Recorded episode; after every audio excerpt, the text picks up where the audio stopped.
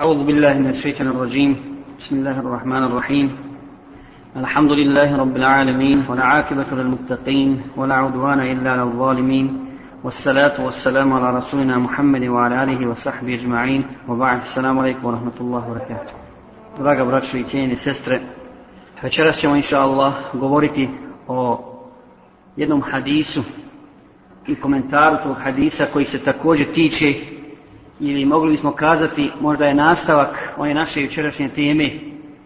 Jučer smo govorili o odgoju duše, a ovaj hadis govori o čistoti duše.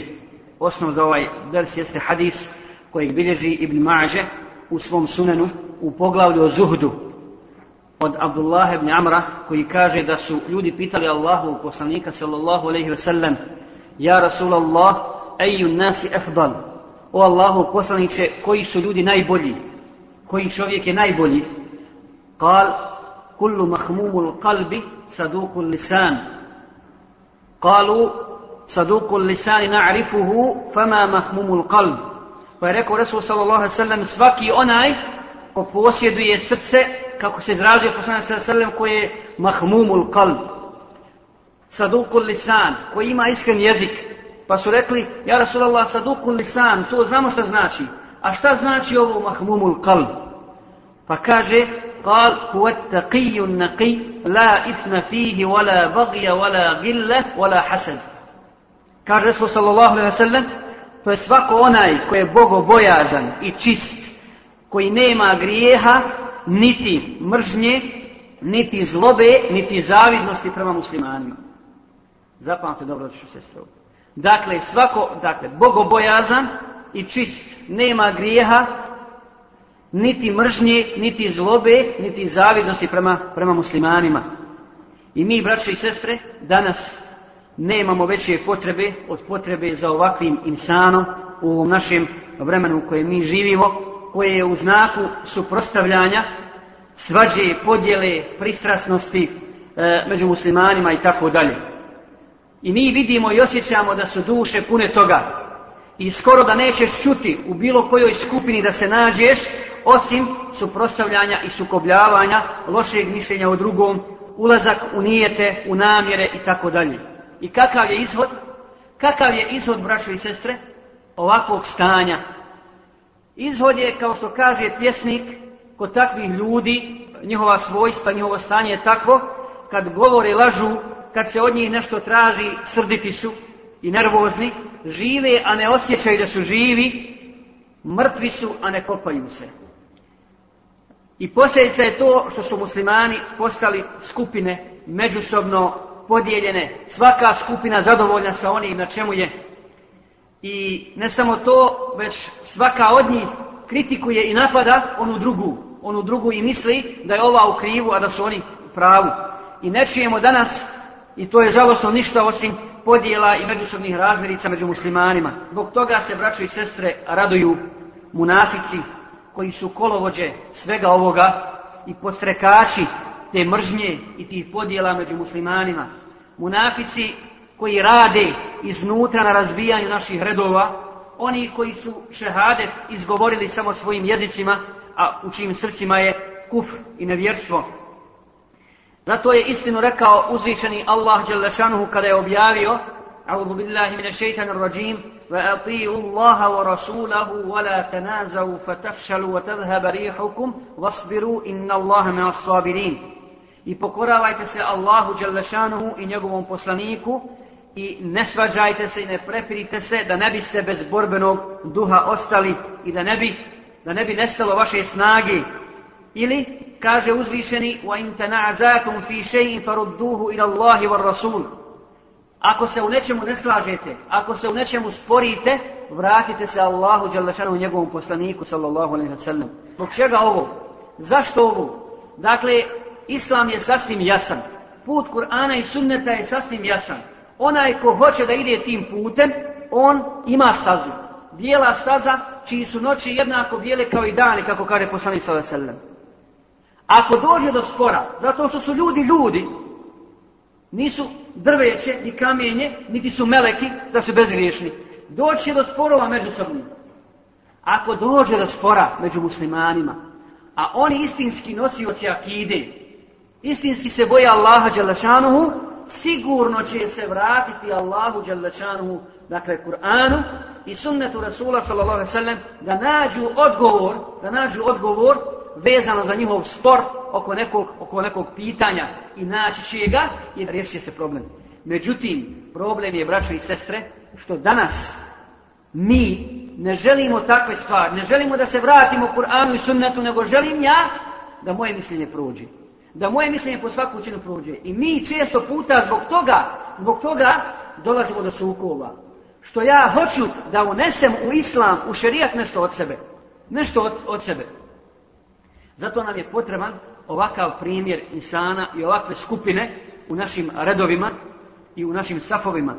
I kada se osvrnemo, braćo i sestre, na život Selefa, vidjet ćemo koliko su se oni borili i nastojali da očiste svoja srca i svoje duše od mržnje, od zavidnosti i od svih ostale loše osvina kad su u pitanju muslimani. Dakle, čistili su svoja prsa, takvi ljudi nisu poznavali osvetu, niti mržnju, prelazili su preko grešaka i uvreda muslimana. Provjeravali su i pažljivo postupali prema svakoj informaciji, prema svakoj vijesti, jer je tako naučio i odgojio poslanik sallallahu alaihi sallam. Allah Đelešanu mu kaže Ja ejuha alladina amanu in ja'akum fasikum bi nebein fatabayyanu an tusibu qauman bijahalatin fatusbihu ala ma fa'altum nadimin. O vjernici, kada vam kakav fasik i griješnik donese kakvu vijest, dobro je provjerite. Dobro je provjerite da ne biste zbog svog neznanja o toj vijesti nepravdu učinili ljudima. Da ne biste ljudima nanijeli zlo. Dakle, takav čovjek provjerava, istinski vjernik kad je u pitanju odnosa mu'minima, provjerava svaku vijest. Ne želi, ne želi da napravi grijeh i da učini grijeh prema bratu muslimanu ili prema sestri muslimanki. Vole muslimane i muslimanke i opraštaju im i neće da ulaze u sukob, makar bili u pravu. Makar, ako vidi da će to dovesti, dovest do sukoba, ostavit će ga, makar istina bila na njihovoj strani. Neće pretjerivati u tome. I njihova doba je, gospodaru, očisti nas od pohlepe naših duša. Zašto govor, braćo i sestre, ovome? Zašto govor o čistoti prasa? Ovo je govor upućen nama svima. Upućen tebi, brate muslimanu i tebi, sestro muslimanko, koji klanjate, klanjate, padate Allahu na seđdu, koji ste posvjedočili Allahu vahdanijet, koji i pozivamo vas, odnosno pozivam Allah Želešanu svi u nas i njegov poslanik, da se očistimo i da se spasimo od pohlepe naših duša, da se oslobodimo strasti, da ostavimo samodopadljivost, zaljubljenost u sami sebe, da se oslobodimo oholosti, zavidnosti, mržnje i svih drugih slabosti, svih drugih slabosti koje i bolesti srca. Zar smo zaboravili, braćo i sestre, da smo stvoreni, da robujemo samo Allahu Đalešanuhu i da kroz to robovanje tražimo njegovo zadovoljstvo i tražimo džennet i Firdevs. I zar je dozvoljeno, brate i sestro, onome kome je ovo što smo kazali cilj, da radi ono što radi i da se okiti ovim lošim osobinama. Da prlja svoje srce niskim prohtjevima, udovoljavajući zovu svojih niskih strasti. Zašto, brate i sestro, danas u našim redovima možemo više čuti riječi pokude, riječi kuđenja, nego pohvale u odnosu na muslimane? I kako postupamo sa ovim komadićem, komadićem u našem tijelu koji se zove srce, za koje kaže Resul sallallahu alaihi wa sallam Ida salahat salaha al jasadu kullu wa ida fasadat fasada al jasadu kullu. Ako je zdravo ako je ispravno zdravo je čitavo tijelo. A ako je pokvareno i ako je bolesno bolesno je čitavo tijelo. Zato želim da upozorim da mi želimo da slušamo govor o spajanju i udruživanju muslimana o učvršćivanju našeg safa o okupljanju oko jedne riječi okupljanju muslimana oko Kur'ana i sunneta. I želim da kažem da je naša nada u ovim našim mladim generacijama, u onima koji promiču svjetlo istine, u našim intelektualcima, u našim profesorima, u našim inženjerima, u našim zanatlijama, u našim vojnicima i oficirima koji su shvatili Allahovu istinu i koji žele da žive u okviru Kur'ana i sunneta i da uspostave svoj porodični život, svoj individualni život dakle, na Kur'anu i na sunnetu. Zbog toga moramo skrenuti pažnju svima nama da o ovome, o našem jedinstvu, o Kur'anu i sunnetu, o okupljanju oko te zajedničke riječi, moramo govoriti na svakom mjestu. U džami, ne samo u džamijama, nego u školama, u džematima, na našim sjelima, na našim sastancima, u našim kućama i tako dalje. Moramo govoriti o tome jer je to zahtjev, zahtjev vremena ili bolje reći zahtjev imana. I prvo što želim spomenuti jeste, prvo nakon slušanja ovog dersa, trebamo se vratiti svojoj duši. I znati da se ovaj govor odnosi prije svega na mene. Kao da se govori samo meni. Nije upućen nikom drugom nego meni. I prva stvar u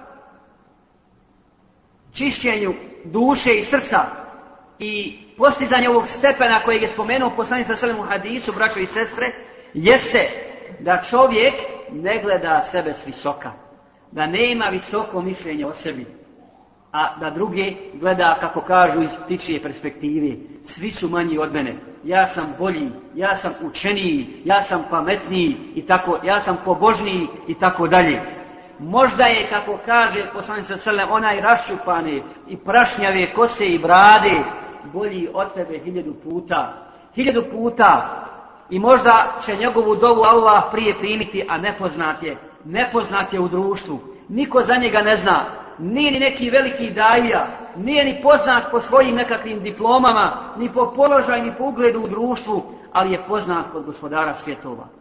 I mi znamo za dosta takvih primjera iz sire ashaba, iz sire ashaba i oni tabiina, istinski pobožnih ljudi, čiji je dovu Allah Đelešanomu primao. Čija se dova primala, a znamo i da su od njih halife, kao što je Omer, traži da upućuju dovu, dovu za njih. I koliko je, dakle, takvih miskina i siromaha, nepoznatih ljudi, bolji od nas kod Allaha Đalešanuhu. Koliko ima ljudi koje mi ne poznajemo, ali su neprimjetni i neprimjetni su kod nas, a kod Allaha su primjetni. Da bismo sebi ovo objasnili, pokušat ćemo navesti na koliko primjera šta znači imati o sebi visoko mišljenje, odnosno biti istinski skroman. Biti istinski skroman i bogobojazan.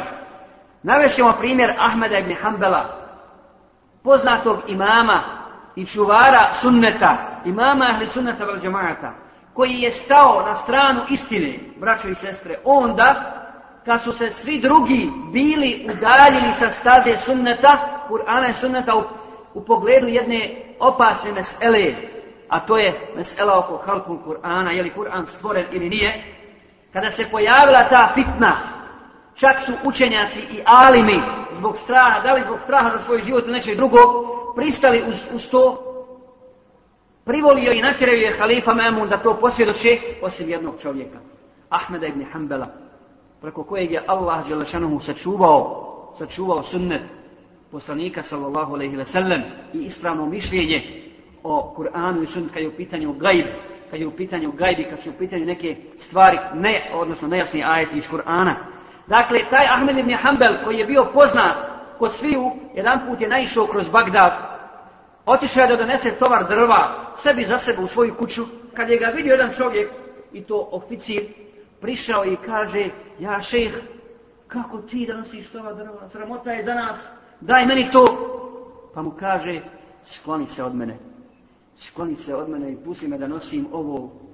E, tako mi Allah nas, Allah Đelešanuhu ne sačuva, bili bismo sramoćeni stotinu puta u jednom danu. Dakle, nije mu teško to što nosi i nije ga stid zbog toga nimalo, jer zna da je Allahov rob, zna da je potreban gospodara svjetova u svakom trenutku, bez obzira koliko bio cijenjen i poštovan u društvu. Ili rec, riječi Bekra ibn Abdullaha al-Muzanija, poznatog pobožnjaka i učenjaka, braćo i sestre, vallahi, malo je ljudi koji se ovako preispituju, koji ovako na ovakav način analiziraju svoje stanje i koji, koji vode mu hasebu, i muđahedu sa samim sobom. Kada je došao na refat, dana refata na hađu, okupili se ljudi, svi u ihramima i svi znaju za njega. Svi koga god vidi prepoznaje ga. Znaju da je pobožan, da je učen. I nije bilo učenje u njegovom vaktu, u njegovom vremenu. kaže, došao je na refat i kad je upućivo dovu Allahu Đalešanu, kaže, ja rab, ja znam da bi ti oprostio ovim ljudima koji su okupili ovdje da nije mene. Da ja nisam među njima, ti bi im oprostio. Sebe smatra najvećim griješnikom. Sebe smatra najpotrebnijim Allahov oprosta i Allahove milosti. Zatim, također primjer Ahmeda ibn Hanbala i Jahja ibn Mu'ina, dvojice učenjaka koji su živjeli u istom vaktu, kada su se pojavili u jedan mesčid koji je bio ispunjen vjernicima, pun ljudi koji su kanjali, kanjali namaz, kanjali na filu prije farza, pa kaže Ahmed ibn Hanbal Jahja ibn Mu'in, kaže, o Jahja, ako misliš da si pametniji i bolji i od jednog ovog čovjeka ovdje u mešćidu, zaista si ti u velikoj zavodu. Dakle, nemoj misliti da si ti najbolji, najpametniji i najčišći i da si zbog toga Allahu Đalešanuhu najbli, najbliski. Dakle, znaj, brate i sestro, da je čistoća prsa i srca uzvišen zahtjev. Zahtjev imana i obavezno je težiti ka tome. Ali ne zaboravi da su ljudi ljudi, da ljudi griješe, da ljudi posrću na tom putu i mora se desiti greška ali budi spreman da oprostiš, budi spreman da pređeš preko greške, kako kaže Sejid ibn Musejeb, nema ni jednog čovjeka, bez obzira ko on bio, bio alim ili običan insan, a da nema mahana, a da nema mahana, ali ne dolikuje ljudima da iznose mahane, mahane drugih, drugih ljudi. I Kur'an nas, braćo i sestre, poziva sviju u mnogim ajetima i govori Allah Đelešanu o ovoj temi, o čemu treba da razmišljamo, i da to primijenimo u našoj, u našoj praksi. Dakle, Allah Đelešan nas podsjeća da budemo čistih prsa prema muslimanima i muslimankama, da želimo dobro njima, da prelazimo preko grešaka i da im opraštamo. Kako kaže Allah Đelešan govoreći kakva je dova istinskih mu'mina.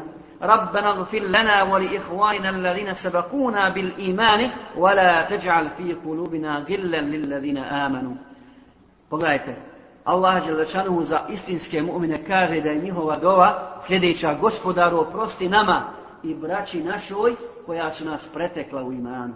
I ne dozvoli da u našim srcima bude ikakve zlobe, ikakve zlobe prema onima koji vjeruju. Dakle, to je osobina čestitih mu'mina. To je osobina zbog koje se zaslužuje džennet. I mi znamo, mi znamo za slučaj čovjeka za slučaj čovjeka za kojega je Rasul sallallahu alaihi ve sellem govorio tri puta na ova vrata će ući džennetlija. Pojavljivao se svaki put isti čovjek. Svaki put isti čovjek. I šta se desilo? Jedan od ashaba ga je pratio. Pratio da vidi šta to ima kod njega.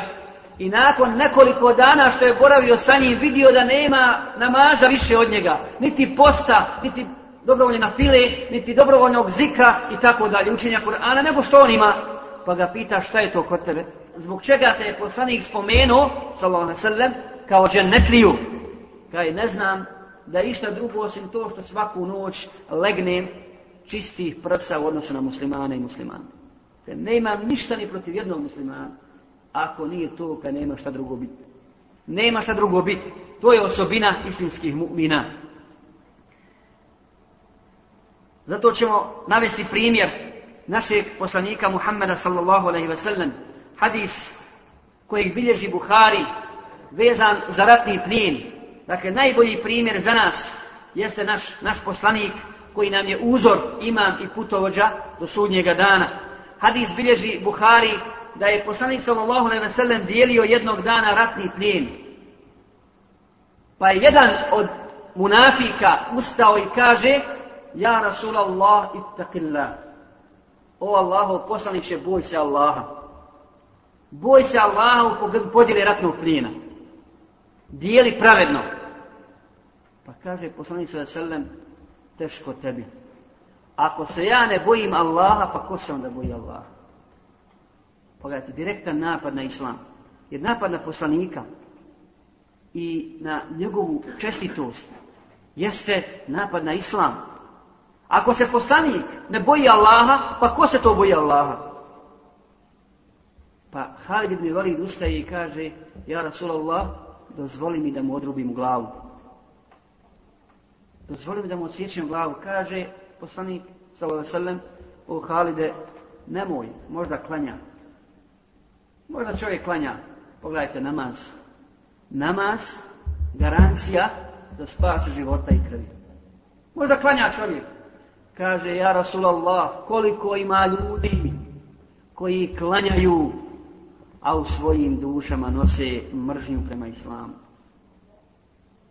Pa kaže poslanik sa selem, o Halide, ja nisam poslat da param ljudska prsa i da gledam šta je u njima.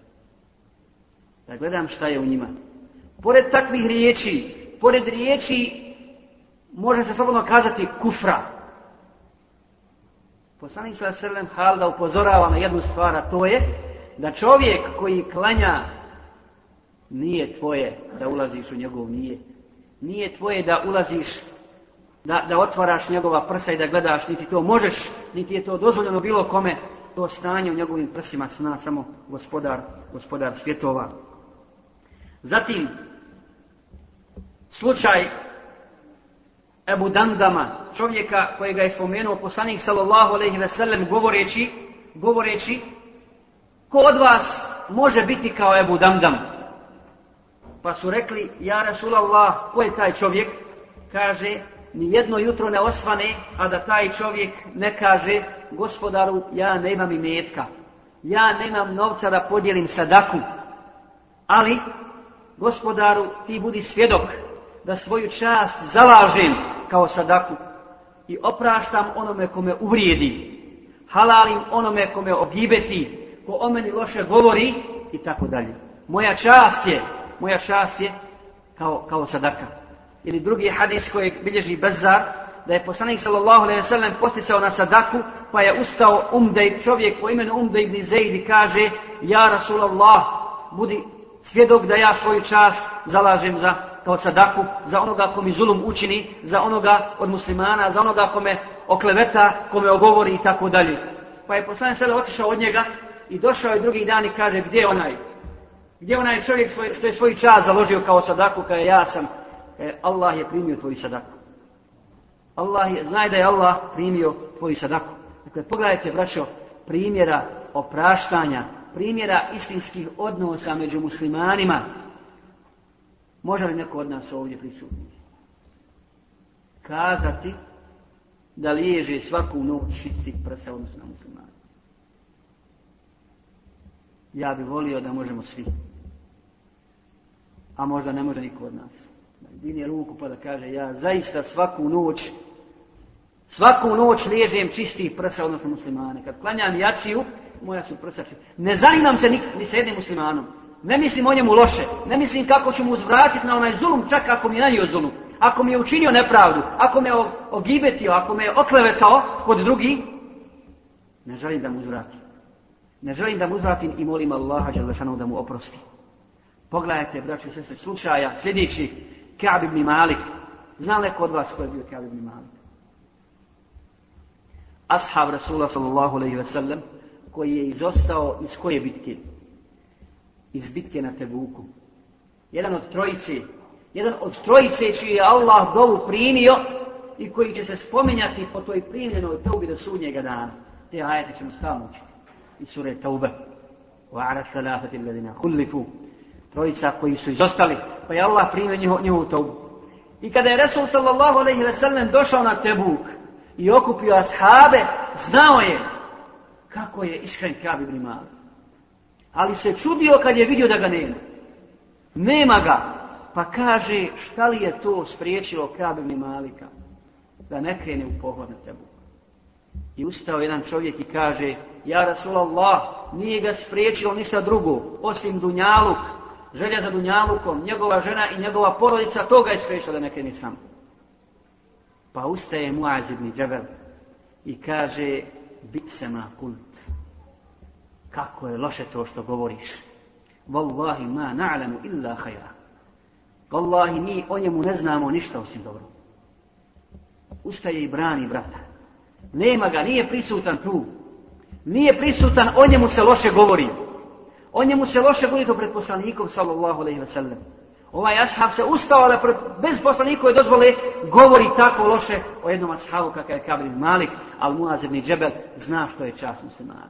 Zna što znači uvrijediti muslimana. Zna što znači poniziti ga na takav način i govoriti o njemu ono što ne znaš.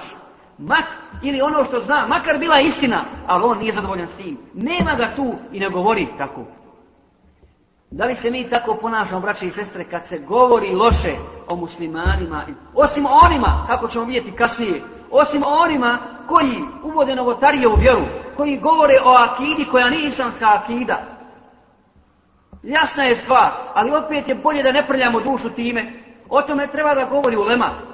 Takve odgovore takvima trebaju da daju učeni, učeni ljudi, a ne da, da, se, da se zamaramo time da prepričavamo samo te priče po našim, po našim sjelima. A da ostavimo zbog toga, zbog takvih sjela i priča, da ostavimo veliki hajr.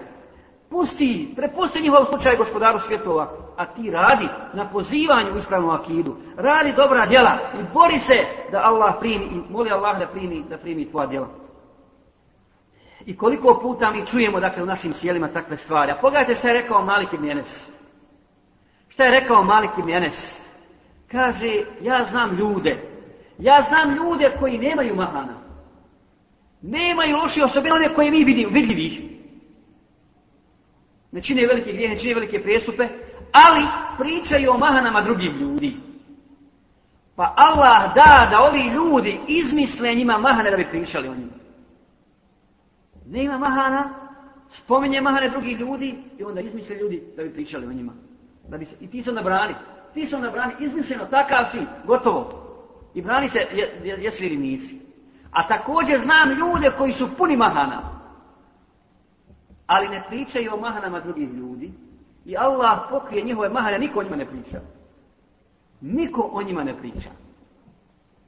Dakle, pogledajte, jedna dobra, jedna loša osobina kod ovog prvog. Ali ova loša osobina uništava u prvu dobru. I ljudi ti izmisle, izmisle mahane od tebe. A ovaj drugi ima mahane, ali on se s njima bori, mi ne znamo. Pokušava da se da ih riješi, moli Allah da mu oprosti, da ga spasi, da ga izvede na pravi put. Da ostavi loše dijelo koje, koje radi i ne priča o mahanama drugih, drugih ljudi, jer zna što znači nosi mahanu ako je svjestan kao, kao mu'min. Ili sljedeći slučaj, kada je čovjek došao Ahmed ibn Hanbelu, nakon što je kažnjen, što je bićevan, zbog toga što nije htio da pristane, da kaže riječi koje nisu od Islama i traže da mu oprosti, da mu halali samo zbog toga što je bio prisutan kad su ga bićevali. Nije učstvo u tome. Pa kaže Ahmed ibn Hanbel, slušaj brate, ja sam oprostio svima i onima koji su me tu i koji su me po zlu spominjali i koji su mi zulum nanijeli, a kamoli tebi? Osim novotarima osim novotarima koji su ubacili ovu fitnu među muslimane. Dakle, njima, ko sam ja da ja njima oprostim? Ko sam ja da ja oprostim onima koji su kazali da je Kur'an stvoren, a da nije vječni Allahov govor, nestvoreni Allahov govor? Da to nije jedno od Allahovih uzvišenih svojih stava. Dakle, njima nikada neću oprostiti. Oprostio sam kada je čak jebu Ishaku. A znate ko je jebu Ishak? Halifa Mu'tasim koji ga je mučio i koji ga je biće ovdje oprostio sam čak i njemu, jer kaže uzvišeni, vali ja'afu, vali jasfahu, ala yuhibbuna, ala yuhibbuna yagfira Allah, ala tuhibbuna en yagfira Allahu lakum. Zato neka oni oprosti, neka pređu preko grešaka, zar ne želite da Allah vam oprosti? Zar ne želite da Allah vam oprosti? Sljedeći primjer jeste primjer imama Makarisija koji bilježi dakle ovaj slučaj i prenosi od, od Abdullaha Šurejha koji kaže da je bio kod Ahmeda ibn Hanbala, da se zatekao posle te fitne kod njega i prenoćio je kod njega. I ovaj je plakao u namazu, učio je i plakao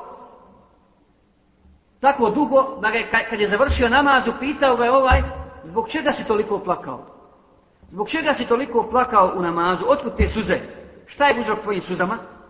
Kaže Ahmed ibn Hanbal, Wallahi, sjetio sam se udaraca mu'tesima, Sjetio sam se udaraca mu'tasima u namazu i na um pale su mi riječi Allaha Đalešanuhu وَجَزَاءُ سَيِّئَةٍ سَيِّئَةٌ مِثْلِهَا فَمَنْ عَفَا وَأَصْلَحَ فَأَجْرُهُ عَلَى اللَّهِ nagrada za loše djelo ili kazna za loše djelo je slično onome što je urađeno,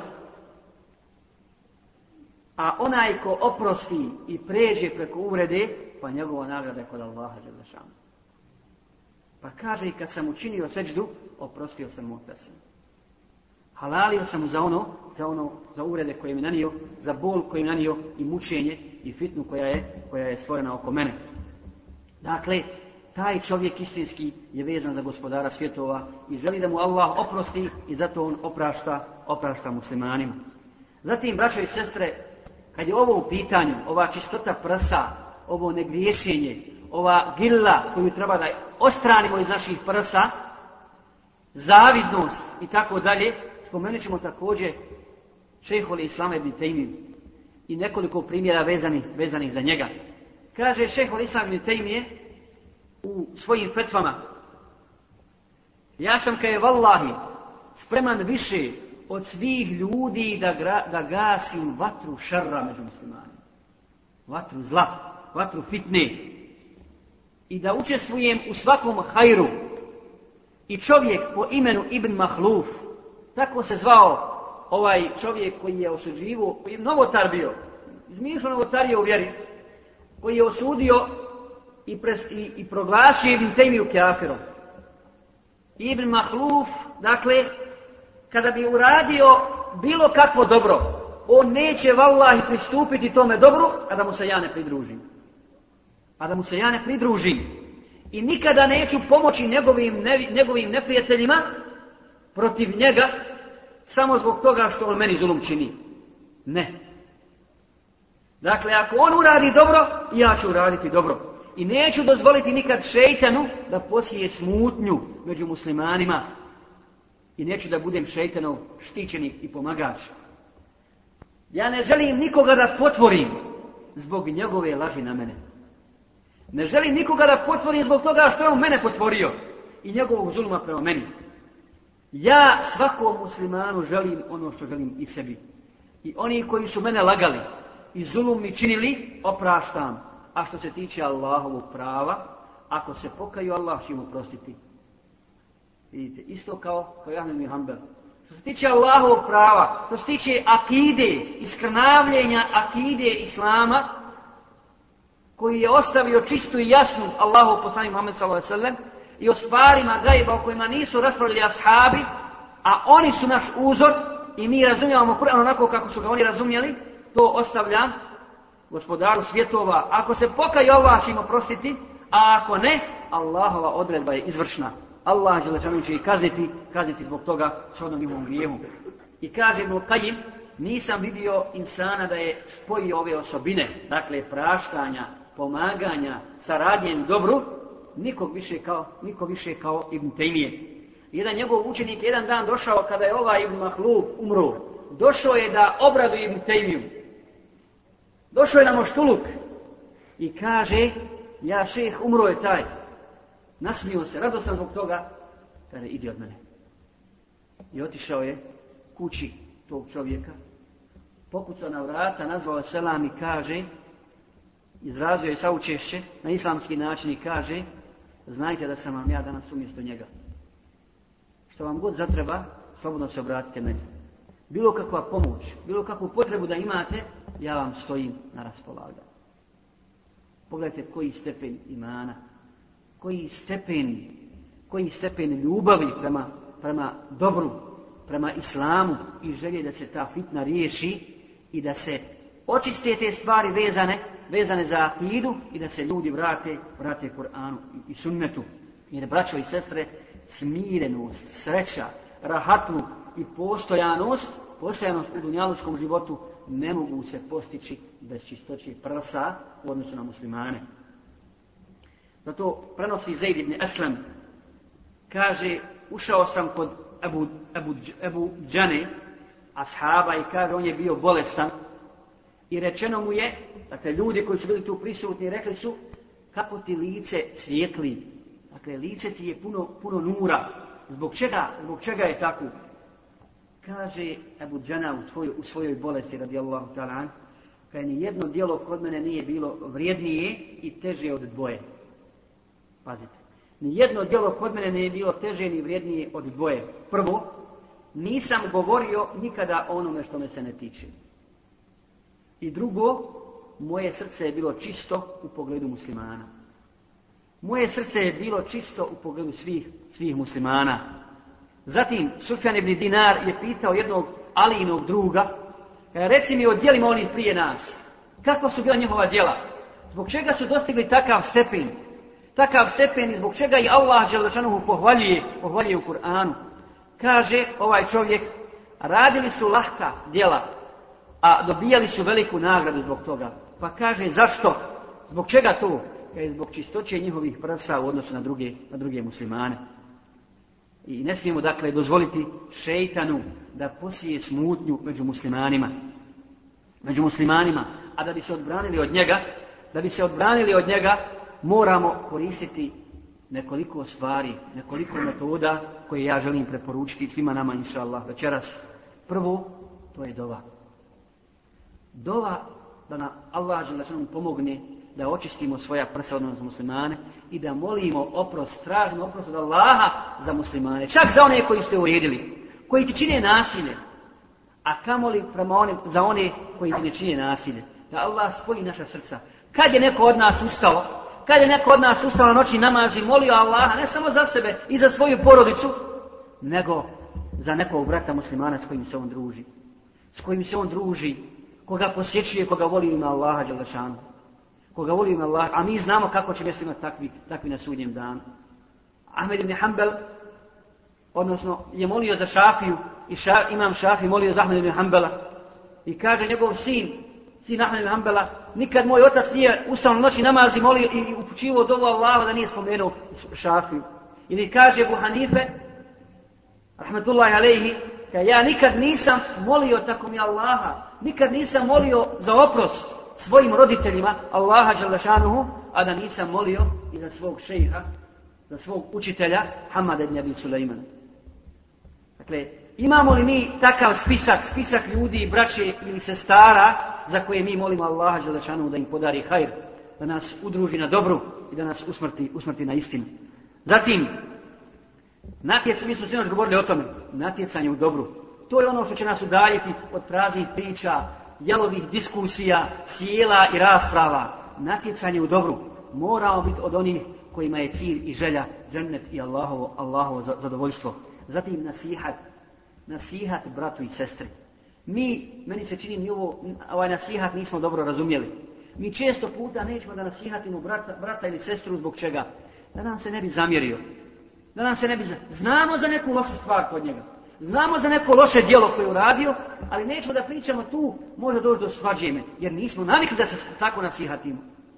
Nego kad on ode, onda pričamo o njemu. Ako se govori neka jes dobar je taj brat ili sestra, fin je ovako, ali. Ali fin njemu je to. Ovo ali uništi nam djela. Uništi, uništi nam naša djela. Dakle, mora biti istinski nasihat. Ne sramoćenje, ne pred narodom, nego posjeta, zijare, na samo, upozoravanje na Allaha Đelešanuhu, na sudnji dan, na smrt, na kabr i tako da. Odgovornost pred gospodarom svjetova. To smo dužni, vallah. Dužni i za ashabi su beju udavali između ostalog poslanikstva za NATO.